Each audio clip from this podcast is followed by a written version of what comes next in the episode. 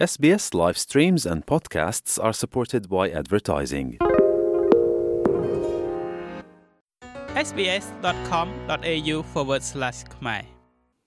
លទ្ធភាពនៅក្នុងការមានផ្ទះសម្បែងរស់នៅ បន្តធ្លាក់ចុះនៅទូទាំងប្រទេសអូស្ត្រាលី ដោយរបាយការណ៍ថ្មីមួយ បង្ហាញពីទំហំផ្ទះជាមធ្យមបានធ្លាក់ចុះ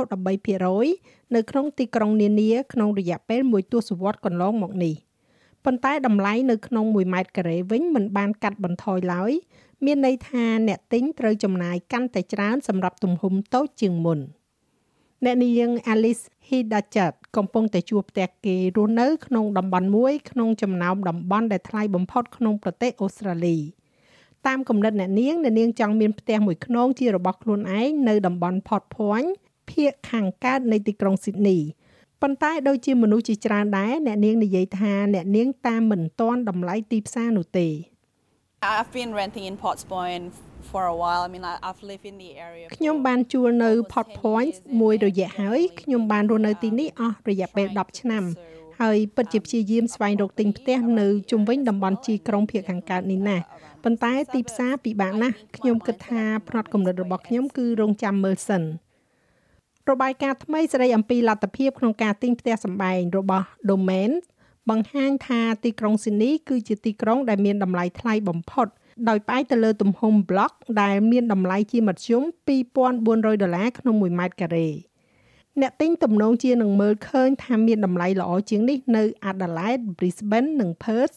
គឺប្រហែលជាពាក់កណ្ដាលនៃតម្លៃនៅ Sydney ហើយវាមិនត្រឹមតែនៅរាជធានីទេដែលរងផលប៉ះពាល់នោះ ប្រធានផ្នែកស្រាវជ្រាវនិងសេដ្ឋកិច្ចរបស់ Domains លោកស្រី Nicola Powell ពន្យល់ Many people during the pandemic saw the regional areas as an នៅក្នុងអំឡុងពេលរោគរាតត្បាតប្រជាជនបានមើលឃើញផ្ទះនៅតំបន់ជនបទជាកន្លែងសម្រាប់ការផ្លាស់ប្ដូរទៅរកទេសភាពសមុទ្រឬក៏ដើមឈើហើយនៅពេលដែលអ្នកក្រឡេកមើលការផ្លាស់ប្ដូរនៅតម្លៃក្នុងតំបន់ជនបទធៀបទៅនឹងទីក្រុងវាកាន់តែយ៉ាប់យ៉ឺនបន្ថែមទៀតនៅក្នុងទីផ្សារក្នុងតំបន់ជនបទរបស់យើង ហើយនោះគឺដោយសារយើងបានឃើញការកើនឡើងនៅតម្រូវការគណៈពេលដែលលទ្ធភាពទិញនៅតែមានបើប្រៀបធៀបទៅនឹងតំបន់ទីក្រុងនោះអ្វីដែលអ្នកទទួលបាននឹងតម្លៃនៃប្រាក់បានផ្លាស់ប្ដូរយ៉ាងខ្លាំងនៅក្នុងទីផ្សារក្នុងតំបន់ជនបទការបំបែកតួលេខទៅតាមរដ្ឋនិងដែនដីនីមួយៗនៅក្នុងរបាយការណ៍នេះបង្ហាញថាតម្លៃផ្ទះនៅទីក្រុង Sydney, Brisbane និង Canberra បានឃើញការបន្ធូរបន្ថយខ្លះនៅការធ្លាក់ចុះប្រចាំត្រីមាសខណៈដែលទីក្រុង Melbourne, Adelaide និង Hobart នៅមានស្ថិរភាព។ទីក្រុងដែលមានតម្លៃថ្លៃជាងគេដូចជា Sydney និង Canberra បានកត់ត្រាការធ្លាក់ចុះតម្លៃផ្ទះប្រចាំឆ្នាំដ៏ខ្លាំងបំផុតរបស់ពួកគេនៅក្នុងប្រវត្តិសាស្ត្រទីក្រុងរបស់ខ្លួនខណៈដែល Adelaide គឺជាទីផ្សារទីក្រុងតែមួយគត់ដែលមានកំណត់ត្រាថ្មីនៃតម្លៃផ្ទះនិង unit ខ្ពស់ការផ្លាស់ប្ដូរចំណង់ចំណូលចិត្តមករស់នៅក្នុង unit ចំពេលដែលមានវិបត្តិនៃចំណាយក្នុងការរស់នៅនេះនៅតែបន្តជាមួយនឹងតម្លៃផ្ទះដែលប្រសើរជាងនៅក្នុងត្រីមាសខែធ្នូនៅទីក្រុង Sydney Brisbane, Adelaide និង Darwin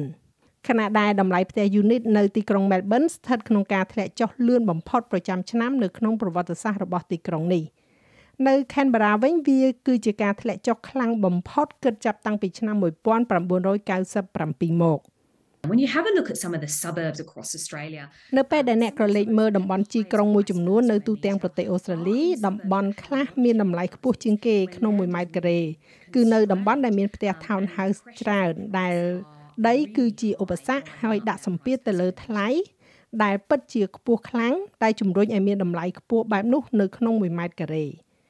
ការបន្តកើនឡើងនៅអត្រាការប្រាក់បានដើរតួនាទីយ៉ាងសំខាន់នៅក្នុងការធ្លាក់ចុះនៅលទ្ធភាពក្នុងការទិញផ្ទះសម្បែងរួមជាមួយនឹងការកើនឡើងនៅថ្លៃហ្គាសនិងថ្លៃអគ្គិសនីលោកហេរ៉ាញឹក Jim Chambers ក៏គូបញ្ជាក់អំពីអតិផរណាផងដែរ is when we've got this inflation challenge in our economy that's the primary នៅពេលដែលយើងជួបបញ្ហាប្រឈមអតិផរណានៅក្នុងសេដ្ឋកិច្ចរបស់យើងនោះគឺជាបញ្ហាប្រឈមចម្បង និងជាការផ្ដោតជាចម្បងរបស់រដ្ឋាភិបាលដែលជារឿងសំខាន់មួយដែលយើងកំពុងធ្វើដើម្បីកាត់បន្ថយអតិផរណានោះហើយដើម្បីយកបញ្ហាមួយចំនួនចេញពីវា គឺការដាក់ចេញនៅផែនការធម្មពលអគិសនីអតិផរណានឹងខ្ពស់ជាងដែលយើងចង់បានយូរជាងអ្វីដែលយើងចង់បាន ហើយយើងបាននិយាយបែបនេះមួយរយៈមកហើយជាមួយនឹងជំនួយបន្ធូរបន្ថយវិក័យប័ត្រធម្មពលអគិសនីនិងមិនចូលជាធរមានទេ រហូតដល់ពាក់កណ្ដាលឆ្នាំនោះ ប្រជាជនអូស្ត្រាលីនឹងត្រូវកាត់បន្ថយចំណាយនៅក្នុងវិស័យផ្សេងទៀតប្រសិនបើពួកគេចង់រក្សាផ្ទះសម្បែងចាររបាយការណ៍នេះចងក្រងឡើងដោយ Daniel Robertson និង Marcus Megalokonomos សម្រាប់ SBS News និងប្រាយសម្រួលសម្រាប់ការផ្សាយរបស់ SBS ខ្មែរដោយនាងខ្ញុំហៃសុផារ៉ានី